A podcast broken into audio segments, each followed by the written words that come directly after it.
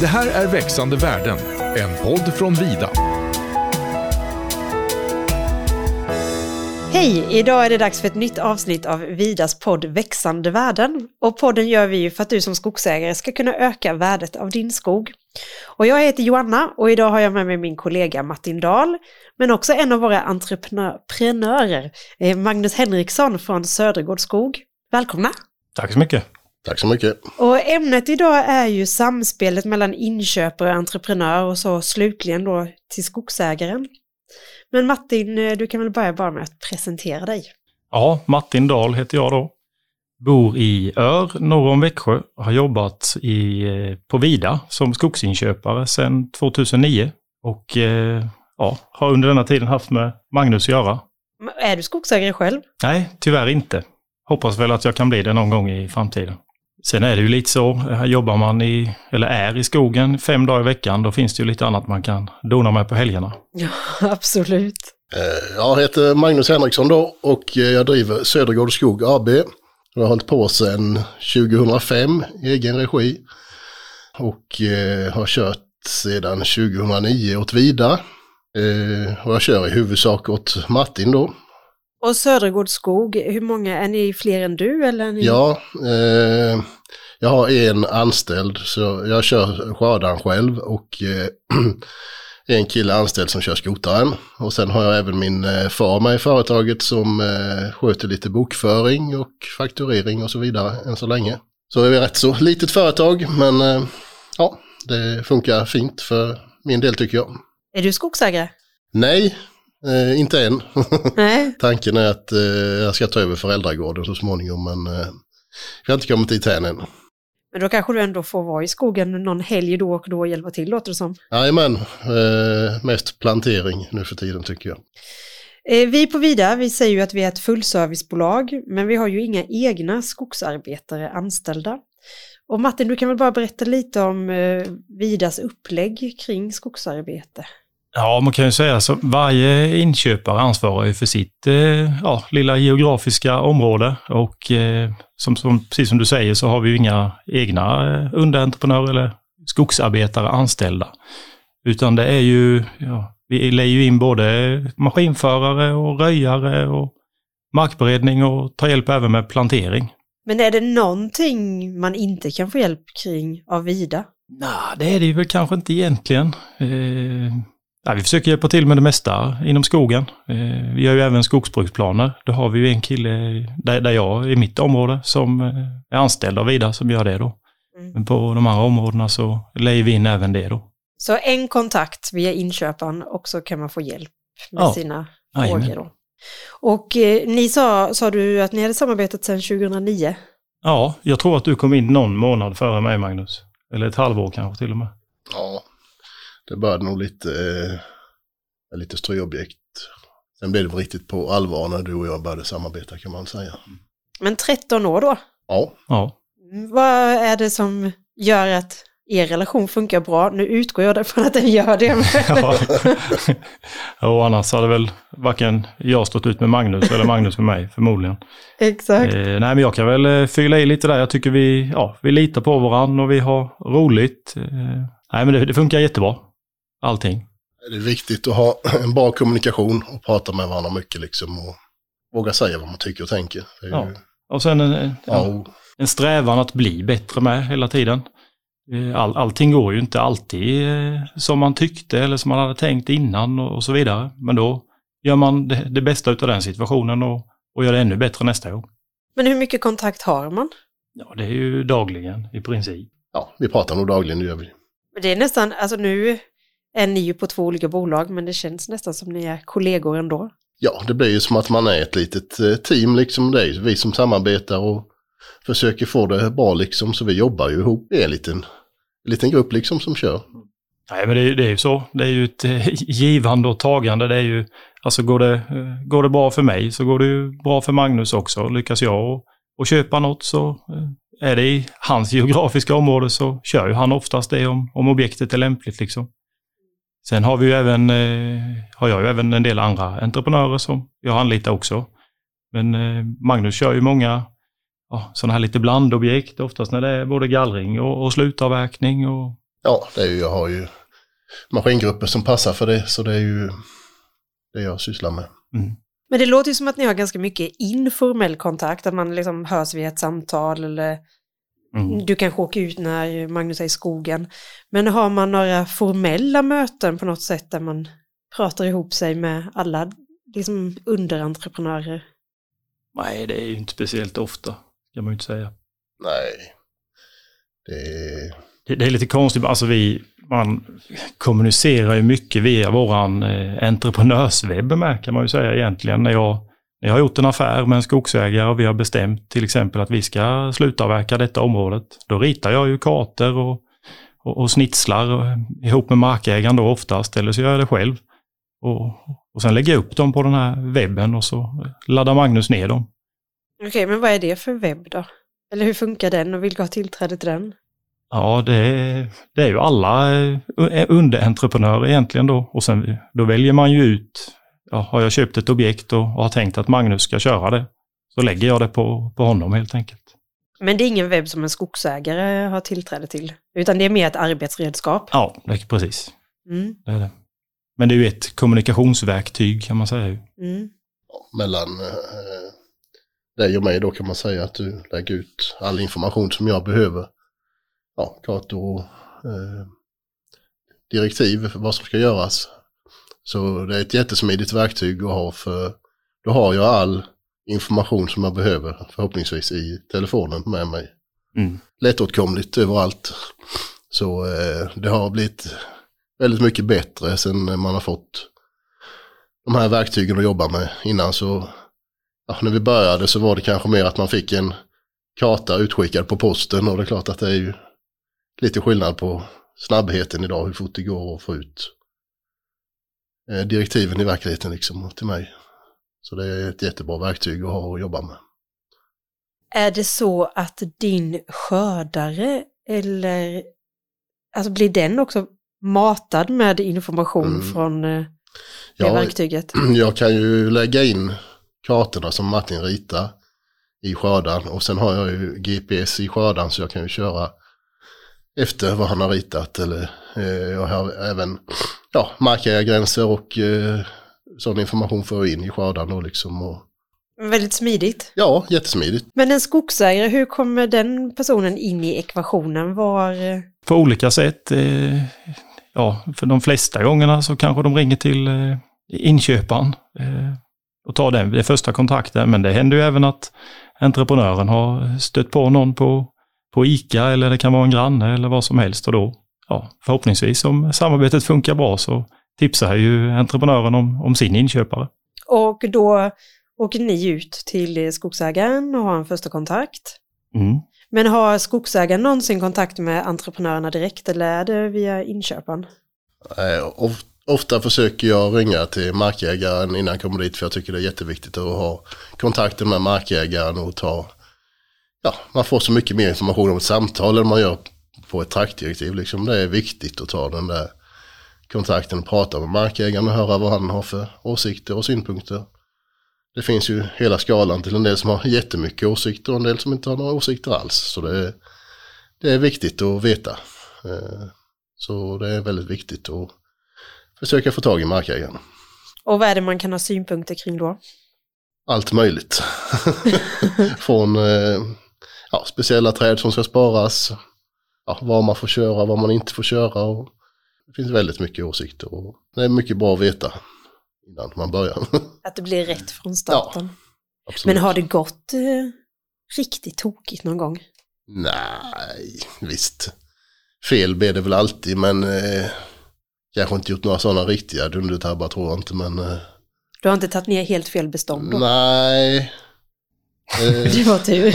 det har, eh, nej, jag kan Nej, inte, men det, det, är så, det, är visst, något, som, något trä, enstaka trä har säkert Ja, blivit fel. eh, det som kan hända är ju om det är en eh, otydlig gräns och om man inte har varit där och markerat i tid eller man kanske har markerat och så har man markerat fel för det, det var så otydligt och då, ja, då, då, är det, lätt- då är det lätt att det blir fel. Men hur mycket kontakt, för ni har ju kontakt varje dag och så pratar ni och följer upp där Magnus är och jobbar. Men är skogsägaren någonsin inblandad i uppföljningen liksom under tiden man är på dennes tomt? Absolut. Ja, Det är, sen är det väldigt olika hur stort intresse markägarna har. En del är ju med varje dag och tittar och en del kanske aldrig kommer ut ens. Så det finns ju hela skalan av markägare med liksom, så det är ju väldigt olika. Ja, och många bor ju inte på, på fastigheterna heller, så då, då det är många sådana fall och då blir det ju väldigt svårt att komma dit och hälsa på. Uppskattar ni när de kommer och hälsar på i skogen? Ja, det tycker jag är väldigt trevligt. Man får inte så mycket so social kontakt så det, det tycker jag är bara trevligt när markägaren kommer ut och hälsar på. Och nu måste jag ändå vara lite viktig Petter, men då är det ju viktigt att man ändå har skyddskläder på sig och att man gör Ja, sig synlig. och helst eh, ringa innan för eh, det är rätt lång riskzon, det är 90 meter ifrån en skördare och då gäller det liksom att eh, man inte kommer uppsmygande jämte maskinen utan eh, gärna slå, slå en, ett samtal innan så man vet att det är någon på gång ut i skogen så man har lite uppsikt. Så olyckor vill vi ju undvika. Absolut. Vad har du för tankar Martin kring skogsägarens del i affärerna och arbetet? Eh, ja, det, jag bara tänkte fylla i på det. Det slog mig med att det är bra om inköpare med kanske har varselkläder. Det är en liten väckarklocka. Alla som ska besöka. Nej, men det, det man kan fylla i med är ju att vi, vi är ju hos många eh, återkommande leverantörer och jag är ju rätt så ja, övertygad om att alla känner ju en trygghet att det är samma kille eller tjej som var där förra gången. Det tror jag är väldigt viktigt, att man, att man känner personerna som kommer. Eller lär känna dem i alla fall. Mm. Det blir en trygghet i det. Men vilka förväntningar har vi på våra entreprenörer? Martin? Ja, det är ju det är många egentligen. Eh, man kan väl säga att man vill ju, man vill ju att det ska bli som man har bestämt med, med skogsägaren eller det man har pratat om. Om det nu var viktigt att spara eh, de där björkarna eller de där tallarna och, och så. Sen får jag ju, mitt ansvar är ju att markera ut dem. Sen har vi ju, vi har ju många andra förväntningar på entreprenörerna då vad det gäller aptering bland annat och de ska ju vara certifierade och, och, och kunna följa alla, alla lagar och regler som finns också i, i skogsbruket. Men när du säger aptering, vad menar du då? Ja, det är ju tillredning av, eh, av våra stockar helt enkelt som vi ska ha till våra sågverk och, och massabruken som vi säljer vidare till. Men då är det att man är uppdaterad på det. Ja, att man hugger eh, rätt längd. Och hur får man den informationen? Den får man ju också via entreprenörswebben. Ja. Så det finns ju filer och, och ladda ner där. Så så fort det kommer ut något nytt så, jag tror till och med du får någon, något mail om det Magnusson. Det kommer ut en fil direkt till skörden så det går in per automatik när vida ändras och det ändras automatiskt. Sen eh, är det bra att man, ja det gäller ju att hugga det sågverken vill ha. Så eh, det är jätteviktigt att eh, huggs rätt längder om det finns avsättning för. Ja men det är ju det, och inte bara det sågverken vill ha utan i förlängningen det marknaden vill ha. Ja, precis. Men vilka förväntningar har ni entreprenörer på Vida då? Nej, det som är viktigt för min del är ju liksom att ha jobb hela tiden. Det är ju väldigt roligt att jobba ihop med ett eh, framgångsrikt eh, modernt företag liksom som siktar framåt. För det är ju liksom trygghet och stabilitet är ju viktigt för min del om jag ska våga investera i dyra maskiner liksom. Då gäller det att eh, jag har körning hela tiden så det är ju A och O liksom. Vad kostar en skogsmaskin? Jag skulle, det är ju lite olika beroende på hur, vad det är för maskin och stora de är, men eh, en skördare ligger väl mellan kanske de billigaste 3,5 upp till 5-6 miljoner. Och en skotare ligger mellan, mellan ja, 3 och 5. Och hur länge håller en maskin? Det beror ju på eh, hur länge man vill köra. Det har ju sin brytpunkt. Jag tycker att det fungerar bäst med nya maskiner.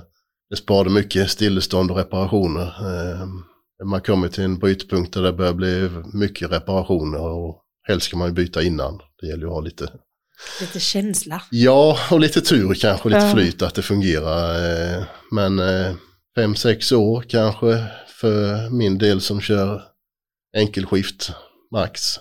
Så, Men var säljer man dem sen då? Finns det en marknad i Sverige eller säljer man maskinerna utomlands? Eh, både och skulle jag vilja säga. De hyfsat nya finns det nog en eh, liten marknad i Sverige men mycket idag går nog utomlands. Det finns inte mycket begagnat att få tag i nu för tiden för det har ju dammsugits upp ut, utifrån. Men är det framförallt eh, östländerna då som man eller Det vad? skulle jag tro det går nog mycket till Polen och Baltikum och Mm. Nu var detta ett sidospår, men det var bara Ja. för att jag var nyfiken. Ja, Men vilka förväntningar tror ni att skogsägarna har på eh, sitt skogsbolag och på sina entreprenörer som är i skogen? Nej, men det, jag tror det, det är samma där liksom, att det, det blir som deras eh, förväntning. Har man sagt att man ska gallra ett bestånd lite försiktigt och, och vad det nu innebär, då, då, då vill jag att det ska bli som de, ja, som de vill så att säga. Mm. Det tror jag är det, det viktigaste. Sen självklart, de förväntar ju sig att vi ska komma när vi har sagt och att, ja, om det nu är ett blött område, att man försöker ta det när det är torrt eller tjäle och så man inte är där i, i fel tid. Och det, det är väl min uppgift att, att styra det så gott jag kan. det viktigaste är nog att ha kommunikationen med markägaren så de vet lite vad som händer och varför man inte kommer eller om man kommer, att man kommer liksom och Ja, precis. Och om man stöter på någonting oväntat, att hur Ja, gör vi nu? Eller... ja, så att man involverar markägarna, att de blir delaktiga i besluten tror jag är väldigt viktigt. Ja, så är det ju. Är det stora avverkningar så är det mycket som kan hända under tiden man är där. Alltså är man där en, en månad, det kan ju regna i tre veckor. Då blir förutsättningarna annorlunda. Mm. Det är ju det som är vår, vår stora, stora utmaning så är det ju vädret och försöka få det bra. det ställer till det mycket om det regnar. Så, men det är ju svårt att planera men man försöker göra så gott vi kan. Underlättar ju om man har ett bra rotlager så kan man ju välja lite och försöka styra det så gott man kan. Och nu kanske det är någon som lyssnar som inte vet vad rotlager betyder. Det är ju hur mycket Martin har köpt in och har i lager. Precis. Eh, Allt som står på rot och, och väntar på att bli avverkat. har man inte så mycket så måste man ju liksom ta det, det som finns. Men har man lite att välja på så Kan man planera bättre? Ja, och ofta så blir resultatet mycket bättre då med när man har valmöjligheten. Finns det någon tid eh, skriven att eh, från det att man köper en skog till att den är avverkas? Eller får, Ja. man, får man avvakta med det hur länge man vill? Nej, inte hur länge man vill. Eh, Det står på eh, baksidan egentligen på ett avtal, men då är det ju fem år om inget annat sägs. Men det är ju, det är ju sällan det, det tar så. så lång tid. Mm. Men visst, alltså det, det man köper nu här på våren, det blir ju absolut inte avverkat innan semestern om det inte är några vindfällen eller något sånt där man får prioritera då. Mm. Utan det är ju inför nästa säsong kan man ju säga. Men är det mycket granbarkborreskog här nu i, i ert område? Eller hur ser det, den situationen ut? Det finns väl en eh, del men eh, tycker det har varit betydligt lugnare i år än vad det varit föregående år. Inte så stora bekymmer så det håller nog på att klinga av lite känns det som. I detta området i alla fall. Mm, och då pratar vi ja, eh, södra Småland, Ja. Kron, Kronobergs län. Ja. Så, Kronobergs län. ja. Mm. Kanske finns andra områden som har det värre då. Det tror jag absolut. Och vi har ju inte haft så, eh, det har inte varit jättestora mängder med vindfällen heller här nu i, från höstens stormar. Jag har varit förskonade detta året. Mm. Ja, det kan hända mycket. Men jag tänker, när ni ändå har chansen nu, är det någonting ni vill skicka med en skogsägare som lyssnar? Att tänk på det här när du planerar ett eh, arbete i din skog eller när, du, när vi gör ett arbete i din skog. Finns det någonting som man ska tänka på? Något som jag kommer att tänka på som vi pratade om innan, det är ju det här med gränser. Mm. Är man osäker, eh, ta kontakt med grannen och försök att markera upp den ordentligt. Eh, jag brukar ju, om jag ska gå och snitsla själv, och det kan ju vara så att markägaren inte har sådär superkoll var den där gränsen går. Och det kan vara rätt så, det tar lång tid att, att leta upp den där gränsen. Det är någon gammal taggtråd eller något man hittar som man får gå efter. Det är väl även att fundera över lite eh, om man vill ha några speciella träd kvar, om man ska spara frötallar, om man ska ja, ta ut grot. Eh, vanliga enkla frågor liksom eh, som underlättar om man vet innan. Nej, det är ju inte, det är inte allt som inköparen har tagit upp i diskussionen vid affären så att säga, utan mycket löses ju efterhand eller sådär. Vad det Mm. gäller det som Magnus nämner. Eh, underlättar om man ja, har några speciella önskemål så är det bra om man får veta det. Så eh, Så det blir rätt. ja, precis. Det är svårt att göra om sen. Ja, det är det. det är jättesvårt att ställa tillbaka träden när de är avverkade. Men du Magnus, eh, när de kommer ut i skogen, skogsägaren, och eh, tar sig ett snack med dig, vad är den vanligaste frågan du får då? Många är ju bara nyfikna och vill komma och hälsa på liksom. Och Mm. Fråga lite allmänt. Eh, Se hur det går. ja, Hur många kubik är du uppe i? ja, precis. Så man kan hem och räkna ut. Ja, Hur lång tid tar det? ja. Eh, Ja, det är ja, klart. det är väldigt olika. Martin, har du någonting att tillägga i den här om inköparen och entreprenörens samarbete?